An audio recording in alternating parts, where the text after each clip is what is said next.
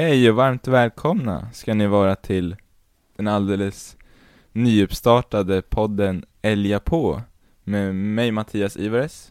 Och eh, Simon Hector. Vi hade tänkt att den här podden skulle innehålla lite blandat inom eh, orientering, eh, ja, lite blandade ämnen. Vi ska ha ett eh, grundtema i varje avsnitt, hade vi tänkt. Mm. Och så har vi en eh, gäst på det temat. Precis. Eh, sen har vi, ja, lite stående inslag också. Eh, Mm. Men det kan och så vi... snackar vi om eh, aktuella ämnen, ämnen Ja. inom orienteringsvärlden. Ja, precis. Men vi kan eh, nämna dem som de kommer i programmet. Mm. Ja, i dagens avsnitt hade vi tänkt prata lite om säsongen, den inställda säsongen. Mm. Eh, men vi kanske ska börja med att berätta lite om oss själva, så att lyssnarna vet vilka vi är. Ja, det kan vara en bra idé. Ja, ska, Ska, jag du börja Mattias? Ja, jag kan, jag kan börja. Mm, Mattias Ivares heter jag, springer för OK Södertörn här i Stockholm. Jag är sista års junior, eh, 19 år. Eh, jag är väl kanske inte lika meriterad som min eh, poddkollega, men eh, Du siktar på att bli? ja, kanske i alla fall. Jag har väl nyss liksom startat kanske min, eh, lite, ja, kan man kalla det elitsatsning? Jag vet inte om jag vågar göra det, men eh, jag får, jag får säga så. Min elitsatsningskarriär. Det låter bra. Mm. Sen kanske man aldrig blir elit, men eh, Det tror jag att du blir. vi får hoppas. Eh, hittills har jag väl kanske de, mina främsta meriter, en eh, 20 plats på lång-SM 2018 i H18-klassen. Um, ehm, samt förra året eh, när jag och mina lagkamrater eh, kom in på en 16 plats på SM-stafett i H20-klassen. Um, ehm, där jag tror att jag gick ut som 12 och tappade fyra platser. Så att, eh, Ja, men en 16 plats är bra. ja, men hade jag varit i den form jag är i år kanske det hade blivit en annan, annan slutplacering. Jag hade haft eh, ganska tuff vinter den säsongen och eh, med, med en lårbensskada eh, som jag ja, kom tillbaka kom tillbaka från under sommaren, hösten där. Eh, så jag var väl liksom precis i att jag kunde springa så mycket som jag ville. Eh, men jag var inte i någon, i någon bra form. Men det var ändå ett, ett eh, en, en kul upplevelse att faktiskt vara med, vara med ett bra tag i en, i en SM-stafett. Och sedan, ja den där säsongen 2018 som jag nämnde har jag ju varit lite upp och ner med skador och sjukdom, eh, sjukdomsproblem.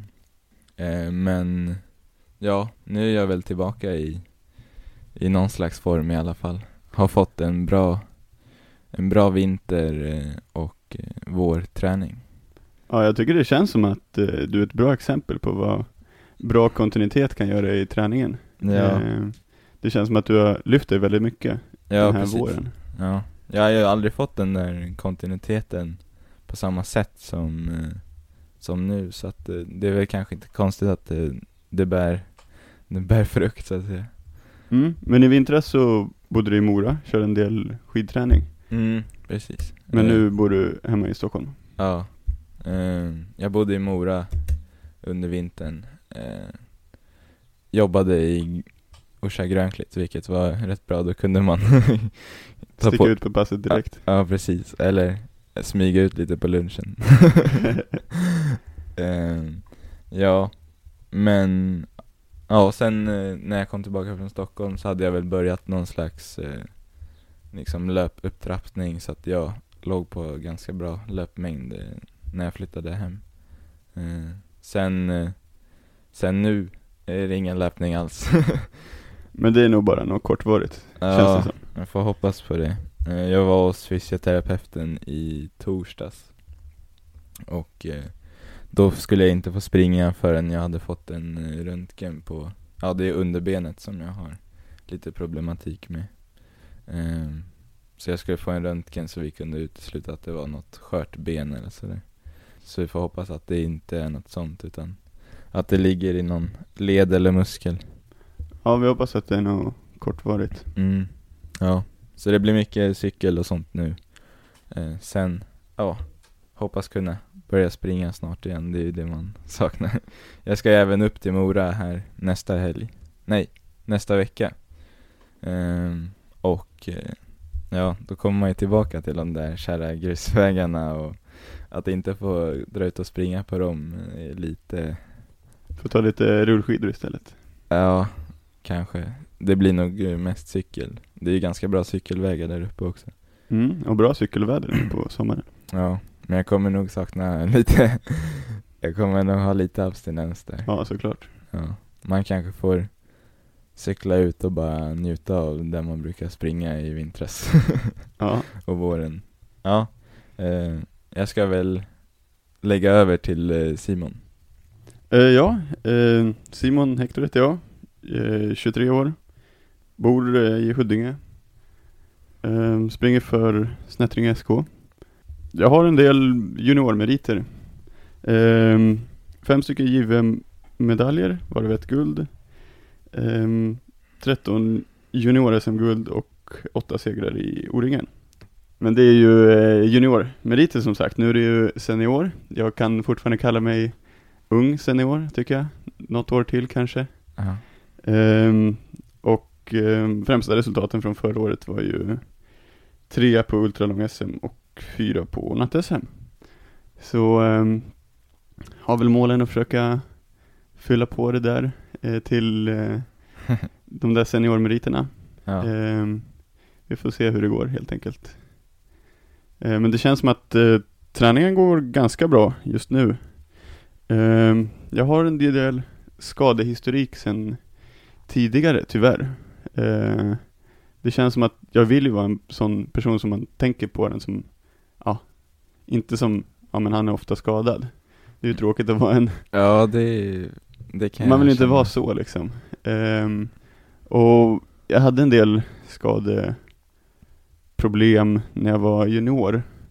Men jag tyckte att förra året hade jag liksom eh, kommit ur det där och hade en bra plan för att inte bli skadad. Eh, och sen så i september då, förra året, efter att ha varit skadefri i ja, ett och ett halvt, två år, något sånt. Så helt plötsligt så hade det bara pang på en träning. Jag var ute och sprang så i, på ett träningsläger i Tjeckien. Och så bara på nedjoggen så bara trampade jag på någonting och bara Nej nu kan jag inte ens gå till bilen. Nej. Liksom fick halta till bilen. Eh, då visade det sig att det var en stressfraktur. Eh, som jag hade i foten då. Eh, så det, den här vintern har varit riktigt seg. Um, jag visste ju att det tar lång tid att komma tillbaka från en stressfraktur men jag hade ju ändå hoppats att det skulle gå, gå snabbare liksom. Så från september, jag tror jag tog mina första löpsteg i januari någonting. Um, tyckte än en gång att jag hade en ganska bra plan för att inte göra för mycket liksom. Och sen i mars så fick jag lite problem med benhinnorna istället. Uh, och det var väl för den här lite snabbare upptrappningen då. Eh, jag, tänk, jag tyckte att det gick långsamt men man måste väl vara ännu långsammare. Eh, Ja, det, det är verkligen svårt att veta hur man ska lägga upp det. men nu är jag ganska mycket tillbaka tycker jag. Mm. Ehm, fortfarande är benhinnorna något som besvärar lite grann liksom. Men jag är ju Ja. uppe på eh, kanske fem sex löppass i veckan. Och då Ja. kan man ju ändå, Och foten känner du inte av? eh, nej, det, det, det känns bra. Ja. Det är bra. Hoppas att det inte kommer tillbaka eller något sånt. Eh, risken för att det ska komma tillbaka är väl lite större om man har haft det liksom. Men å andra sidan så eh, bygger ju ben oftast upp sig själva lite starkare än Ja, det finns De ju var- några som eh, åkt på stressfraktur efter stressfraktur på ganska liknande ställen så att, eh, Men har du gett det tid att läka så och det inte känns någonting nu så Ja, exakt. Sen tror jag, jag blev lite mm, bättre på utrustning. Ehm, jag tror jag var ganska slarvig med skor och sådär. mm. Att springa med skor som egentligen man borde slängt men tänkte liksom att, nej men, det går nog något pass till liksom. Ja, Eh, men egentligen borde man ju ha slängt dem och jag tror att det kan ha varit en bidragande faktor att jag ofta sprang med skor som var ganska dåliga. Mm. Jag tror det kan hänga väldigt mycket på det där. Eh, jag är ju lite sådär med benhinnorna nu också. Eh, och det var ju Jag gjorde ett skobyte i mitten på maj. och sen, sen typ, eh, ja, nästan lite mindre än en månad senare så började jag känna av benhinnorna. Så att jag tror det hänger mycket på att vänja fötterna och sen ha saker som är hela liksom. Ja men det är ju svårt för det är liksom en kombination av, av allting. Med belastning och utrustning och Ja, precis. Allt Allting. måste, allt måste vara liksom perfekt för att man Ja eller inte perfekt men i varje fall att det liksom Man ska minimera liksom inte blir för mycket av någonting liksom. Nej. Att det liksom blir för mycket av att springa i dåliga skor eller blir för mycket att springa när man är sliten och så. ja. Ja, men jag tycker ju ändå att man kan försöka Vet man någonting så kan man försöka liksom minimera allt som, som kan göra dig skadad. Ja exakt. Så nu är jag lite mer eh, noggrann med utrustningen till exempel. I alla Mm. fall. Ehm, Ja, mm. Nej, men men det- i vintras har det blivit väldigt många timmar i vattenlöpningsbassängen. ja, Eh, det var ett tag där som jag bara kunde träna simning och vattenlöpning. ja, Och, och lite styrketräning då. ja. Så då var jag ju där liksom, ibland var jag där två gånger på en dag och ja, det var många gånger i alla fall. Ja. ja, så jag hoppas att inte jag ska hamna där också. Nej absolut inte, det, det önskar jag inte någon. Vi har ju en, vi har ju en som är Inte för att det var, inte för att det var dåligt alltså. Det, det är inte, Nej, du är ju bra tränad ändå. det är ju bra träning liksom. Det är kanske inte alltid är jättekul att åka till, eh, till badhuset en snöig novemberkväll liksom. Nej, det tar ju lite extra tid också än att bara dra på sig Men man får en bastu. ja. Det är viktigt. Exakt. Så vi har en, vi har en person som är lite på nedgång och en andra som är på väg tillbaka. Eh.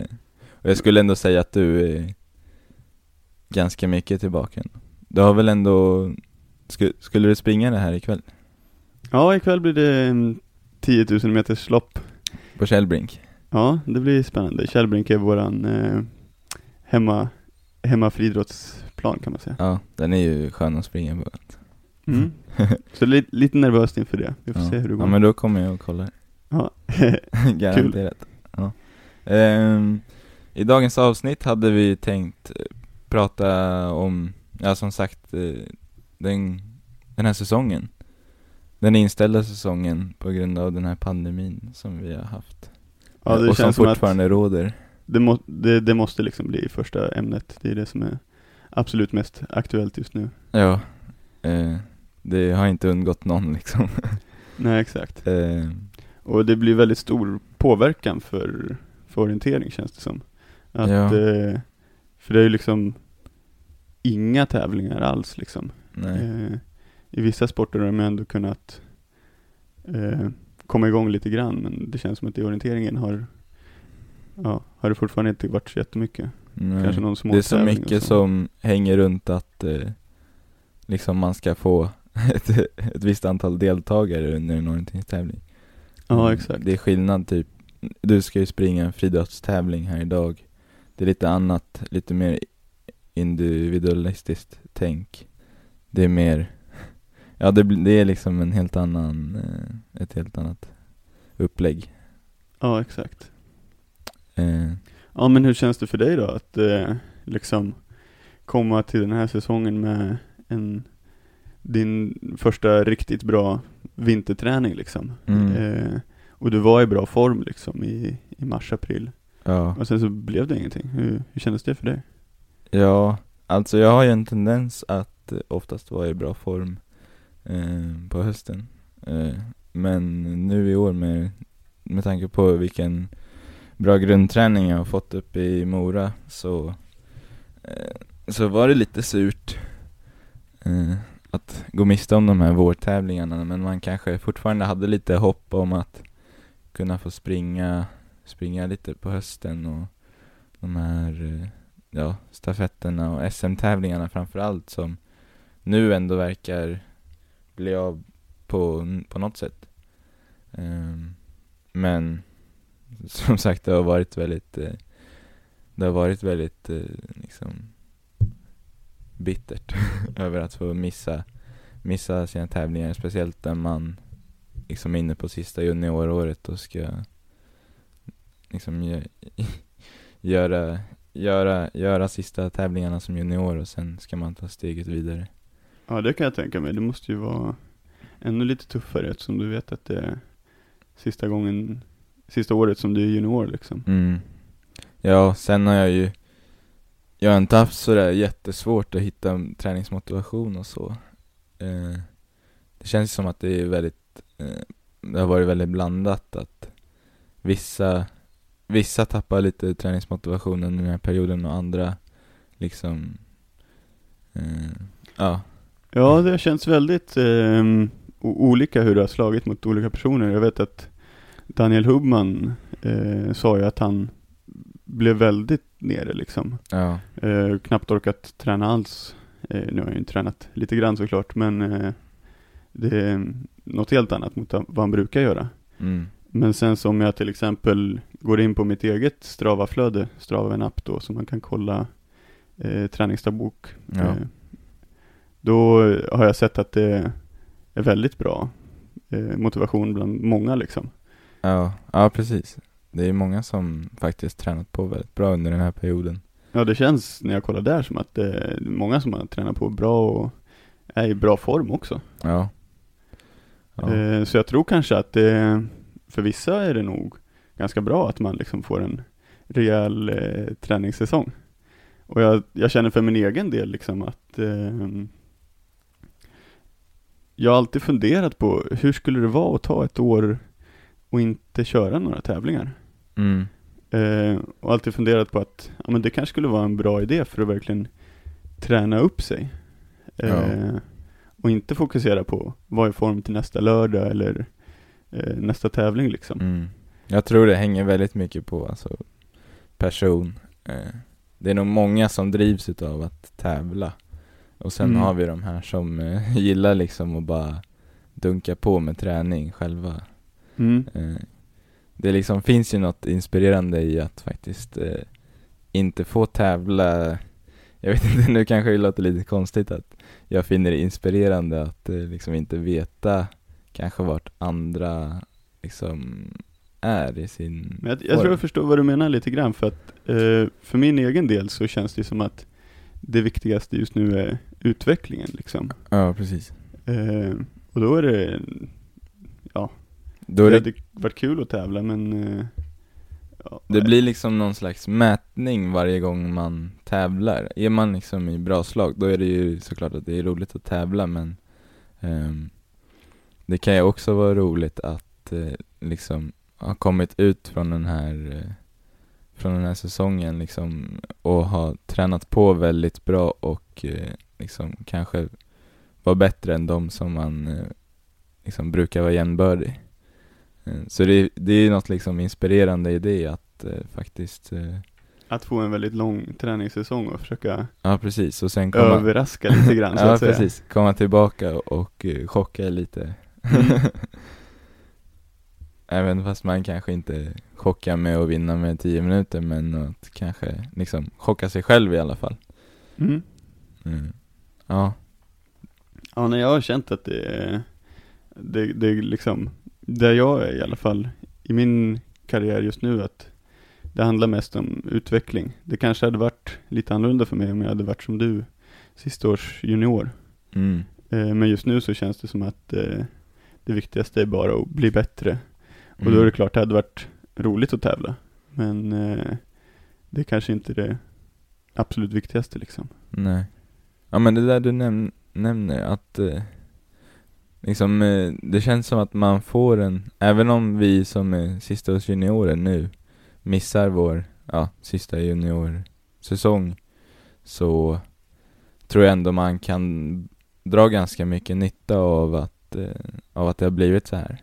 Att man får liksom ganska tidigt börja lära sig liksom eh, hur det är att vara senior kanske.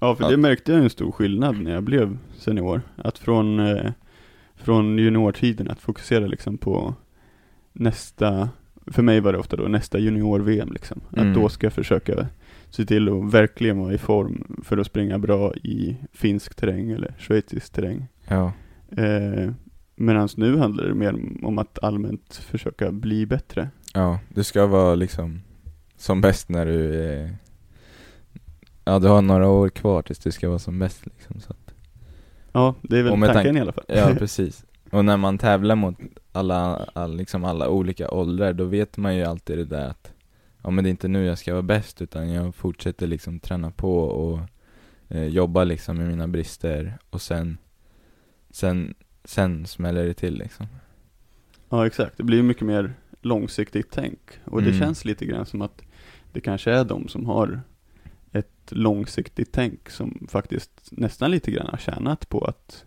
inte tävla. Ja, Eh, för att inte känna att de måste vara i form. Eh, för om man känner att man alltid måste vara i form, då kanske man inte liksom riktigt gör den där träningen eh, som gör att man blir bättre, utan mer försöker var, ja, var i liksom, form. ja, var i form till nästa helg mm, Så man kanske skippar liksom det där löppasset på fredag, ja, exakt. fredag förmiddag för att vila upp sig till lördagen liksom Mm. Ja, Ja, eh, vi tänkte ju få in en gäst på det här. ja, Det blir intressant att höra vad en av världens bästa orienterare har att säga om, eh, om den här säsongen. ja, ska vi presentera vem det är redan nu? Ja, vi, vi, vi tar in honom.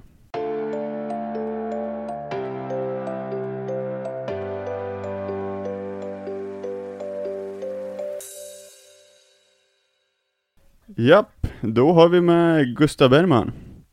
Eh, Gustav är ju en utav eh, Sveriges bästa orienterare och eh, några korta meriter är ju två VM-guld i stafett, eh, åtta medaljer, varav två stycken individuella och förra året totalseger i världscupen. Kul att ha med dig som eh, första gäst i programmet. Ja, tack. Kul, kul att vara med. Vi har förstått att du är på läger eh, uppe i Idre. Hur är det där? Eh, ja, precis. Ja, det stämmer. Eh, vi kom upp igår kväll så att jag har inte, inte riktigt hunnit känna efter lite läget sådär. Men det blir bra. Det blir kul. Det är liksom det första riktiga lägret jag åker på överhuvudtaget sen i februari innan all det här corona eh, pandemin kom ordentligt liksom. Så det, det ska bli kul. Mm, men det är med landslaget då? Ja, exakt. Precis. Så eh, vårt första gemensamma läger. Vi hade några träningsdagar i Örebro i början av juni. Eh, ja, det var ganska exakt en månad sedan. Eh, men de var lite mer bara så här, ja, några träningar och sen så åkte vi hem. Det här blir liksom första riktiga läget. Det, blir, det ska bli roligt. Härligt! Kul att vara igång liksom med Mm. Mm, lägerverksamheten. precis. Exakt. Eh, hur går träningen just nu? Jo, men träningen går väldigt bra igen. Eh, jag har haft jättebra kontinuitet under hela vintern och, eh, och våren och eh, ja, det är lite speciellt så, såklart att det inte har något att mäta sig mot så, men det har rullat på väldigt, väldigt bra. Eh, egentligen inte haft några varken skadedagar eller sjukdomsdagar så det har varit eh, superbra. Vad skönt. Låter bra.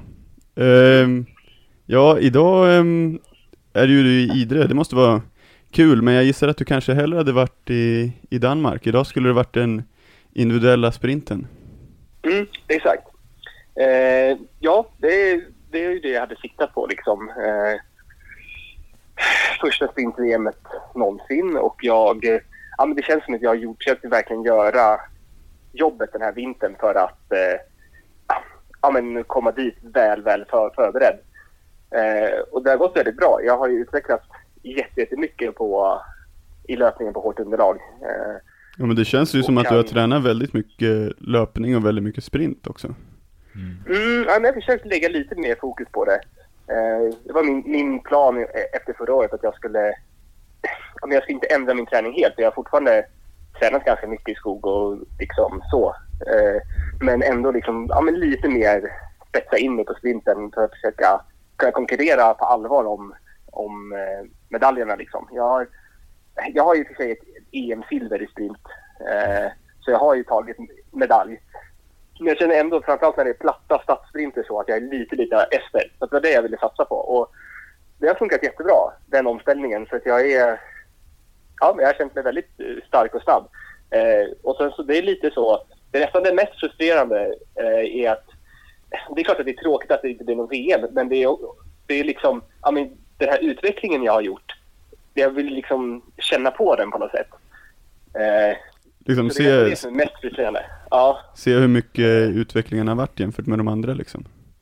ja men precis, exakt. Eh, och det är lite så, ja, nej, men vi får se. Jag får väl hitta några andra sätt att se hur den utvecklingen har gått. Eh, det, jag har några planer om att kanske springa någon friidrottstävling eller så, någon 10 000 meters lopp och se lite hur, hur det går. Men vi får se. Hur eh, ser du på att det inte har varit sådär jättemycket tävlingar för eh, eliten? Eh, vi har ju andra sporter där man har satsat ganska mycket på elit, elitverksamheten under den här pandemin. Hur ser du på det? Ja, jag vet inte riktigt. Så här tycker jag. Det är klart att det är tråkigt för oss som är elit. Men samtidigt så, så tänker jag att jag tycker så här, idrotten ska inte prioritera eliten i första hand. Jag tycker vi ska prioritera framförallt ungdomar. Eh, och det har ju, om man tittar till exempel på fotboll, de har ju prioriterat, verkligen prioriterat ungdomarna och alltid haft ungdomsverksamheten igång. Medan eliten då har kommit igång på senare tid. Ja. Eh, och det tycker jag är helt rätt. Eh, och sen vad gäller orientering så, jag tror att vi hade haft förutsättningar att kunna ha elittävlingar ja, men egentligen under hela våren. Ja, kanske, inte, kanske inte när det var eh, reserestriktioner, men i alla fall det släppte i juni så har vi skulle i teorin kunnat haft elittävlingar. Men, men samtidigt så, ah, jag vet inte. Jag har inte så mycket åsikt egentligen. Alltså jag, jag tycker att det har funkat ganska bra ändå. Jag tycker att det är trevligt att träna och så mitt liv är, är ganska, ja, jag är ganska nöjd. Ja, men du Det har, är klart att eh, det var kul att springa någon tävling. ja, men du har kunnat hålla uppe motivationen även fast det inte har funnits några tävlingar och sådär? Mm, ja, det har faktiskt funkat väldigt bra. Eh, förvånansvärt bra skulle jag säga. Jag tycker väldigt mycket om att tävla. Jag brukar tävla ganska mycket. Eh, men eh, nej, det, det, man får ju liksom, ja, jag har ju fått lära mig lite om mig själv under en sån här vår. Eh, det tror jag alla har gjort. Lite hur de reagerar på eh, såna här, eh, liksom, ja men att det är speciella förutsättningar. Så ja, jag, jag har ju märkt att jag inte saknar tävlingarna så mycket egentligen. Eh, utan att jag är väldigt, väldigt nöjd med ja, träningsvardagen bara liksom. Ja, du trivs Och- att försöka utvecklas bara liksom. Ja, men precis, exakt.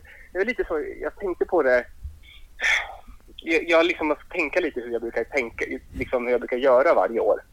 Eh, Mm. Och jag, liksom efter, efter säsongen är slut så brukar jag alltid sätta mig ner och göra en ordentlig utvärdering. Eh, tänka så här, okej, vad kommer framåt?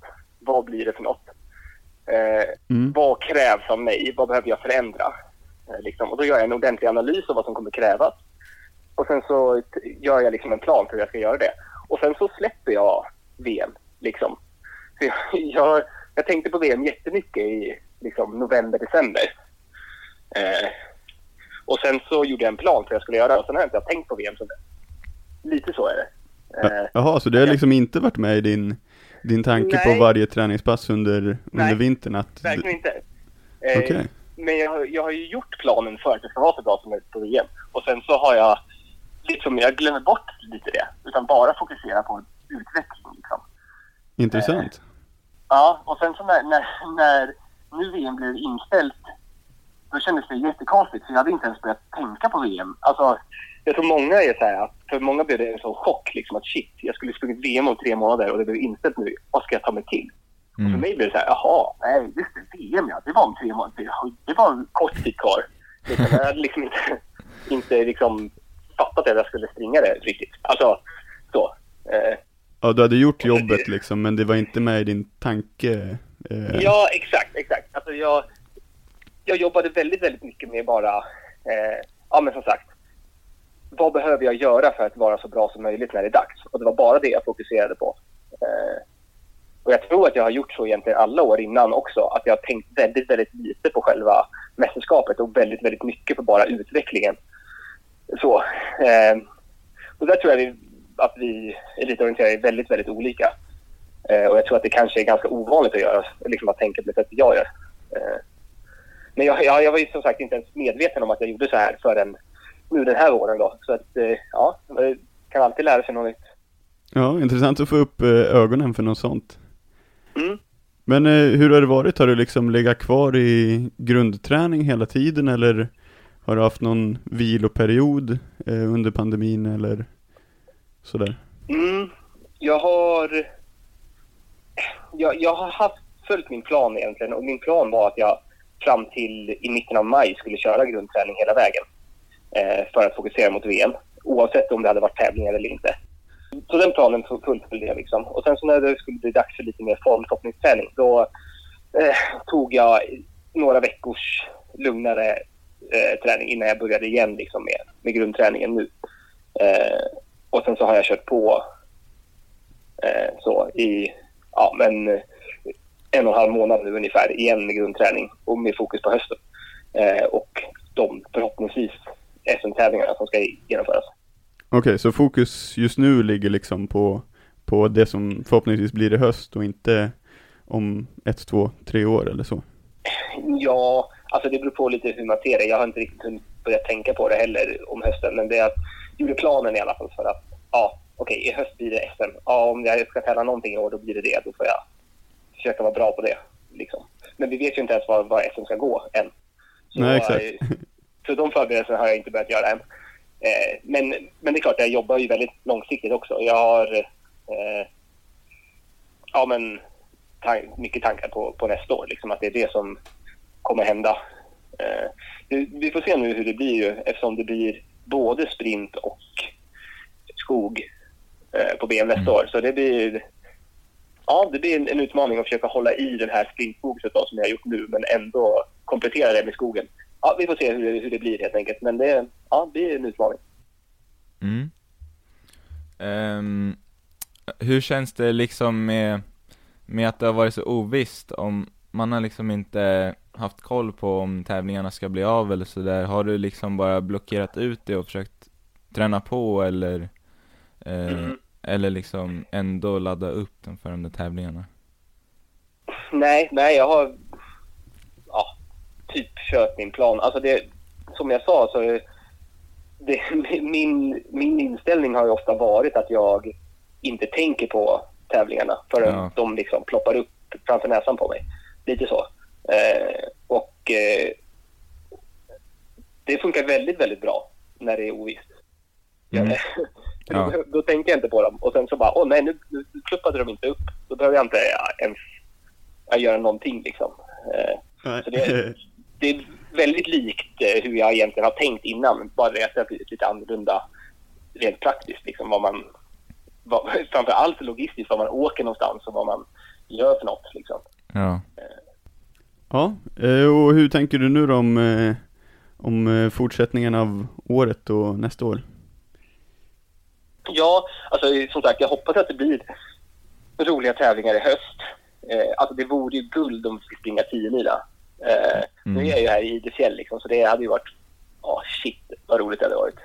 Eh, men eh, det, det ser väl ganska mörkt ut om, jag, eh, om man får tolka liksom signalerna från Folkhälsomyndigheten att det ser, ja det kanske inte är rimligt.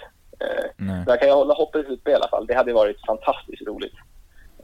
Jag håller med. sen så är det ju, sen så är det ju SM-tävlingar. Det blir ju både lång och medel och sprint. Så det ska, det ska bli jättekul såklart. Eh, och sen får vi se som sagt, som jag nämnde tidigare, jag kanske ska testa lite och springa lite Några 10 000 meters lopp och så och försöka eh, sätta någon bra tid. Det hade varit roligt. Eh, jag har aldrig sprungit egentligen, så det hade varit kul att få, få med sig något eh, från all den träning jag har gjort det, för att vara bra på det. Så att, eh, ja, eh, så får vi se. Sen så eh, kommer det bli mycket träning bara. Alltså liksom att bygga upp inför kommande år. Eh, så, så brukar jag ofta tänka ändå, liksom, att det ändå är mycket träning för att bygga upp inför kommande år. Så att eh, det är inte så stor skillnad. Men ja, vi får se lite när eh, det blir klart vilka tävlingar som blir av eller inte. Så får man göra planer utifrån det. Mm.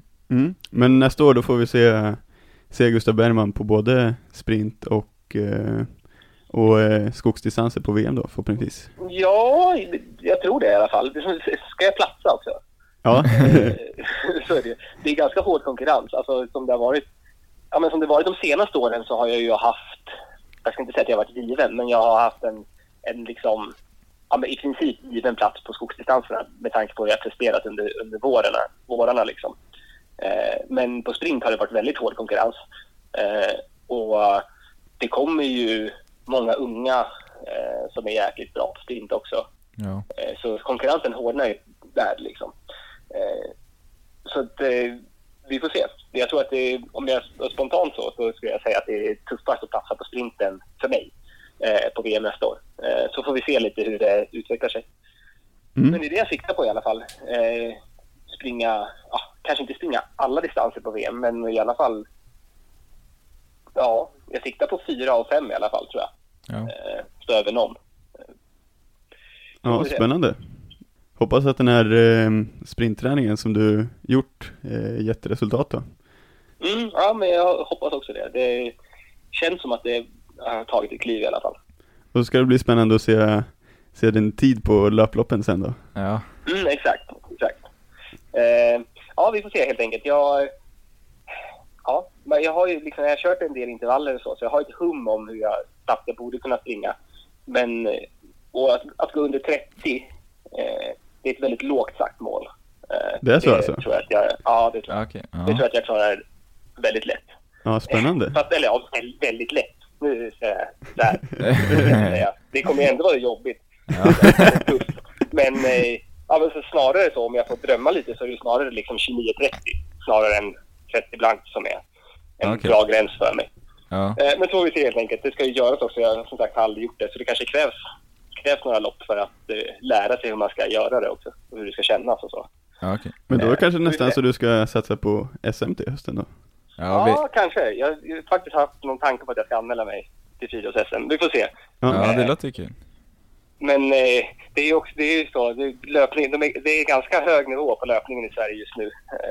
Eh, Ja, det är det. på långdistanslöpningen. Så att jag, alltså 29.30, även om det för orienterarmått mätt är bra, så har man ju inte en suck mot de allra bästa som är specialister liksom. Nej, Men eh, ja, vi får väl se. Eh, jag är lite sugen i alla fall. Vi får se om det blir något. det är ju inte jättemånga löpare som ändå går under 29.30 så man är ju ändå Nej. topp 10.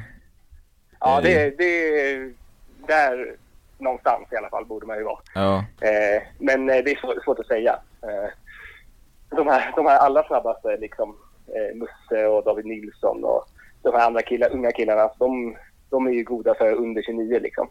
Där har jag inte, dit har jag inte riktigt kommit än. Ja, men eh, spännande. Mm, Ehm, hoppas ni får ett bra läger där uppe i Idre nu då. mm, ja, tack så mycket. Det ska bli, bli kul och, eh, att liksom få träffa alla och träna tillsammans och så här. Det ska bli väldigt roligt. ja. Ja, och så ska det bli spännande att följa Gustav Bergman under tävlingarna som förhoppningsvis blir av i höst då. Yes. Superkul att ha dig med. Ja, riktigt kul. Ja, tack, tack så mycket. Ja, Ja, hej. hej. Hej, hej. Så, det där var Gustav Bergman. Jättekul att ha honom med och höra hur han har hanterat den här säsongen. Verkligen. Ja. Eh, det verkade inte som att han var sådär jättebekymrad över tävlingarna. Men han tränar på verkar det som. Mm. Mm.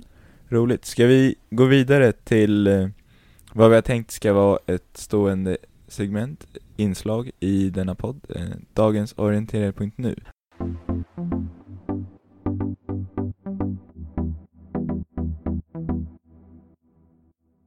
Ja, men tanken är att vi ska ha det här som ett stående inslag då.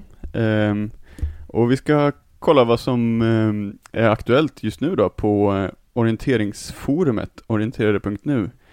Eh, och det är uppbyggt som så att det finns olika trådar man kan eh, läsa och skriva i då. Och det är oftast, de flesta skriver anonymt, så det gör att tonen i inläggen kanske inte alltid blir den absolut trevligaste. Men ehm, vi tyckte att det kan vara intressant att gå in och läsa där ibland och höra vad som är på tapeten. Och det kan också ge en liten inblick i vad som är aktuellt just Mm. nu. Ja. Ehm, så det leder in oss på eh, aktuellt just nu inom orienteringsvärlden då. Ja, precis. Nej men så just nu då på orienterare.nu så är det ju såklart väldigt mycket snack om eh, coronaviruset.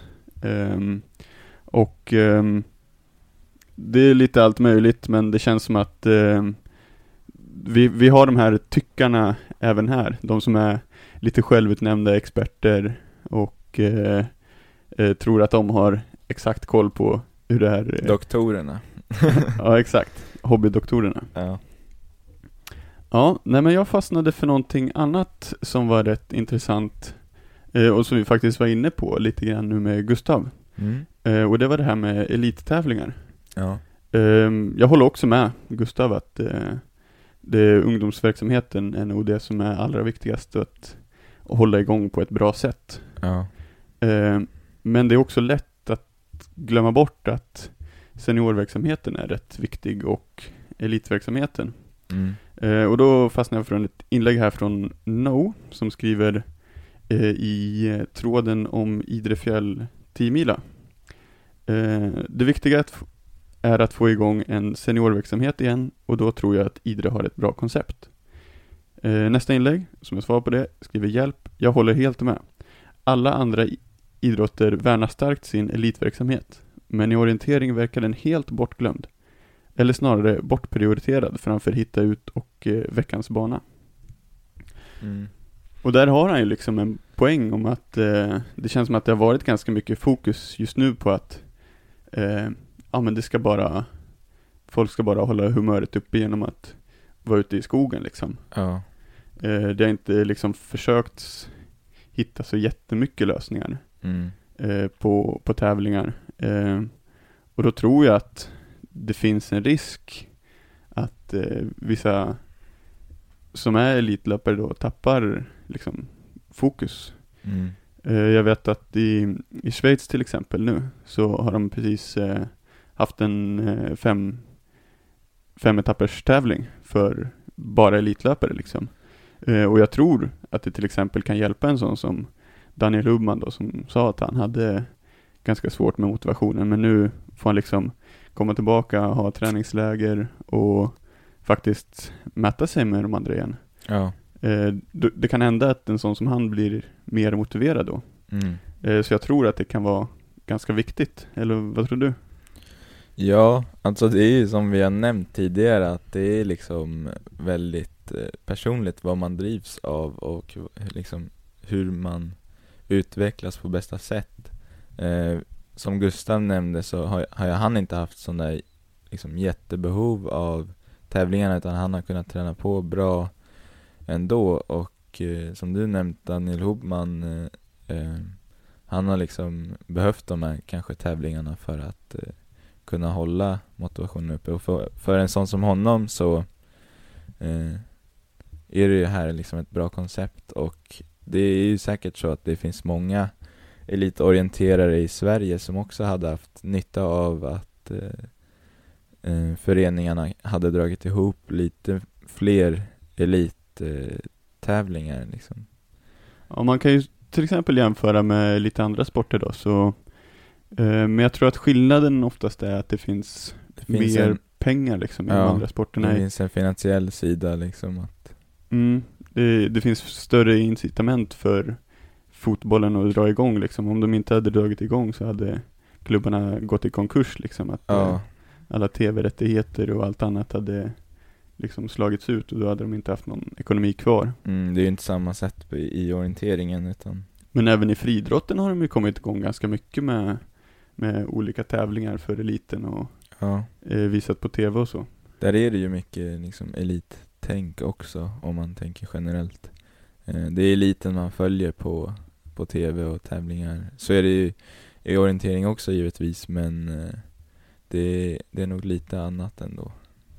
Ja, det är ju liksom orientering är ju uppbyggt på ett annat sätt. Att man har Det är ju mer liksom en, en helhet när man i friidrott och andra idrotter delar upp liksom lite mer.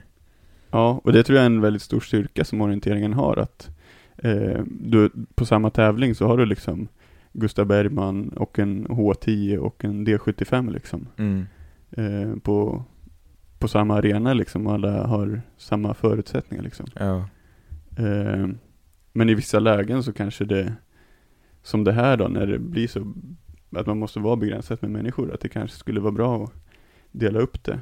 Mm. Eh, så att man skulle kunna få till tävlingar då, framförallt för ungdomar, eftersom det är, Ja. eh, det är väldigt viktigt att behålla dem, eh, men även för eliten. Ja. Men nu verkar det ju som att eh, Soft har försökt eh, ta tag med det där lite.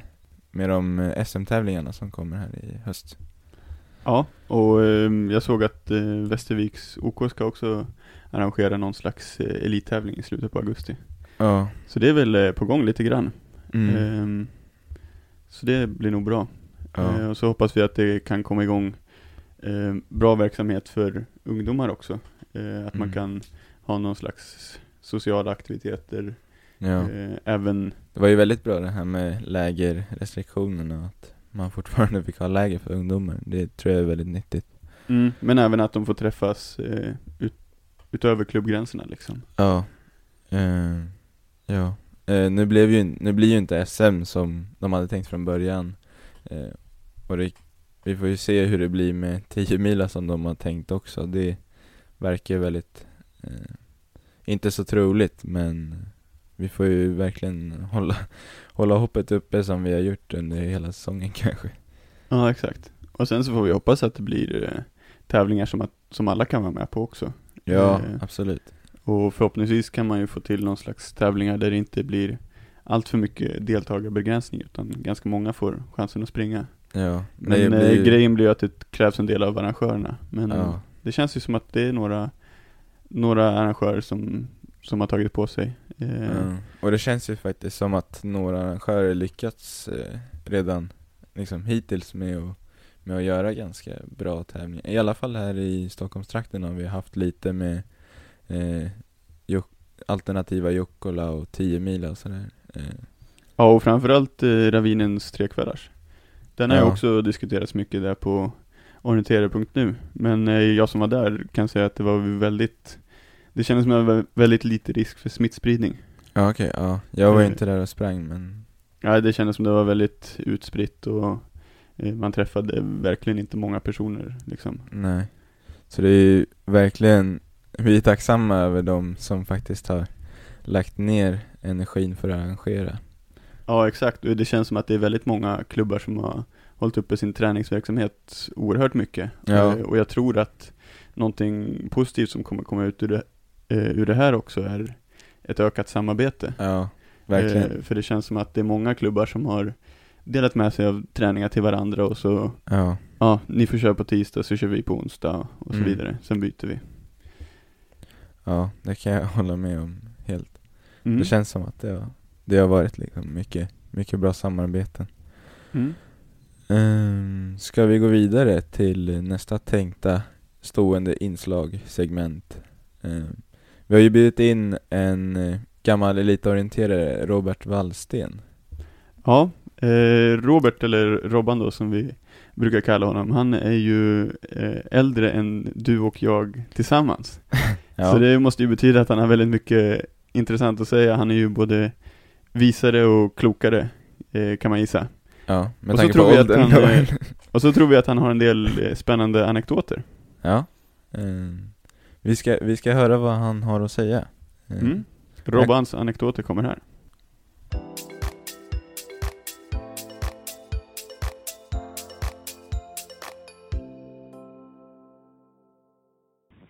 Hejsan!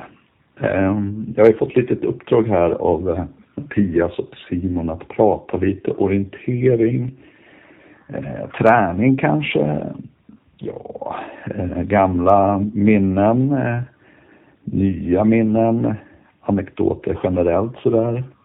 Eh, Ja, bara skit, prata skit helt enkelt om, eh, om vad som händer i orienteringssverige eller eh, träningsmässigt. Vem är jag? Jo, Rob- Robban Wallström heter jag. en avdankad eh, elitorienterare sedan många år tillbaka. Eh, cirka 35 år har hållit på och hängt inom orienteringssektet. och eh, jag har representerat fem klubbar totalt faktiskt. Men störst, störst period har jag tillbringat i, i Leksands OK i, i Dalarna. Eh, numera i Snättring i SK. Några kanske känner mig, några har ingen aning om vem jag är. Jag jobbar just nu som eh, gymnasielärare på ett av niorna i Sverige här. NIU är alltså en nationell idrottsutbildning eh, där man kan eh, tillbringa tre år som orienterare för att förhoppningsvis bli lite bättre. Har jag några meriter? Ah, hyfsat. Eh, inga supermeriter. Jag har ett SM-guld. Jag har vunnit två totalsegrar i vad som numera kallas Swedish League, hette Skogsport Cup på min tid. Någon eh, landskap har jag vunnit. Jag har tillbringat två fantastiska junior-VM. Men mest av allt är jag nog nöjd med andra och tredje platsen på 10 mila med Leksand. Nu är det ganska många år sedan. Och varför det då? Jo, det för mig in på glädjen med att orientera. Framförallt glädjen just nu när det är svårt i den här pandemin. Vi har ju liksom inte möjlighet att tävla på samma sätt som vi gjort tidigare och då är det viktigt att påminna sig om varför håller jag på med det jag håller på med? Och jag har väl levt efter en filosofi att man kan krydda liksom sitt tävlande och sitt tränande med, med practical jokes eller andra små lustigheter. För mig har det varit lustighet. För andra kanske man tyckte att det var eh, allt annat än lustigt. Eh, exempelvis vet jag att min klubbkamrat, eh, numera juniorlandslagschefen eh, Kalle Dahlin, inte alls uppskattade min... Eh, ja, jag kom in till en radiokontroll på 10 mil där vi låg i täten och eh, jag tänkte fan, jag måste ju önska en låt här när jag har chansen. För det var ju på den tiden Sveriges Radio sände också. Så jag, jag hasplade ur mig vid radiokontrollen att jag vill gärna önska en låt med Linkin Park, In the End. Eh, om den nu spelades upp eller inte vet jag inte, men Kalle fick ju reda på det här i alla fall i målfållan och när jag kom i mål så var det allt annat än glad Kalle Dini.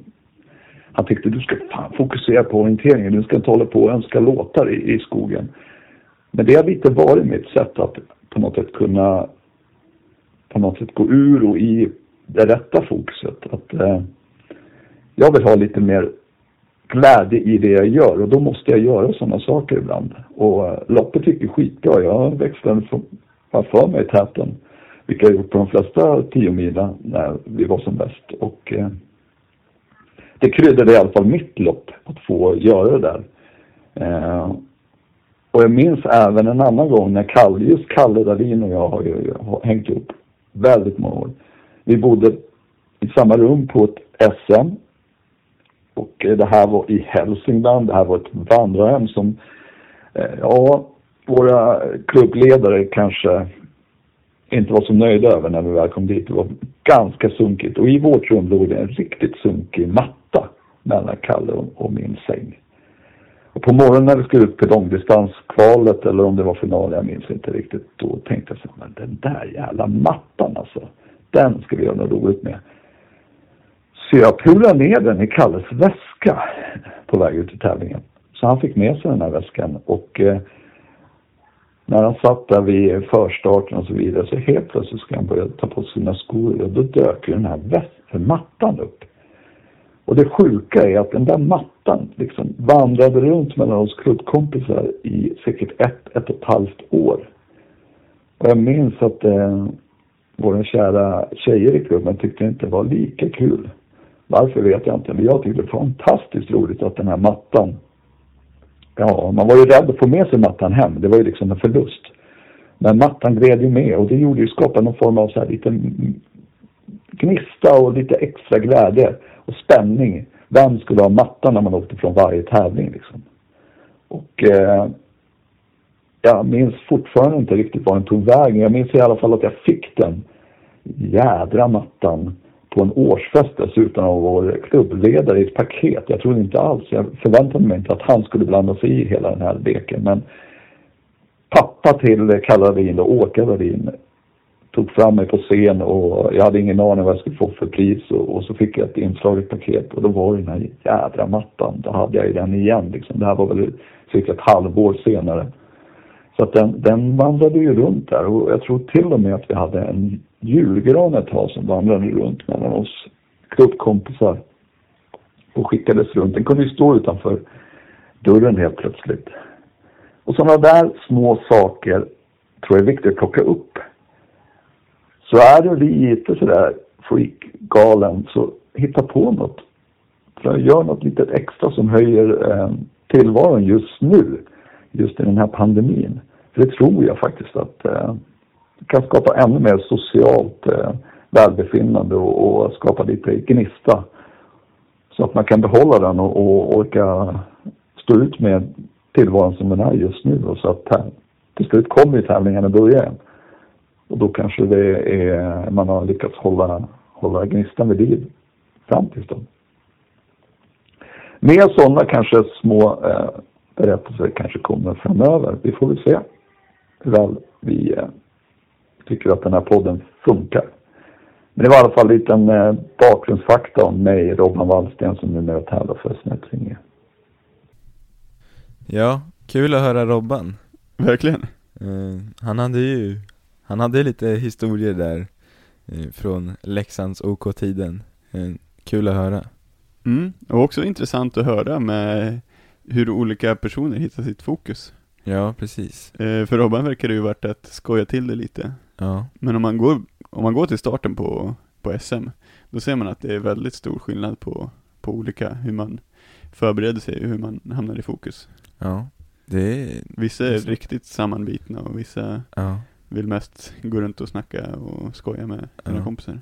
Kanske inte sådär jättemycket sånt, men det skulle ju vara lite kul att se så här i första sträckan på 10 mil, att stå någon där i första ledet och håller på med något helt annat än vad alla andra gör. Ja, exakt. Spexar. Ja, precis. Ehm, ja. Har vi något mer för idag?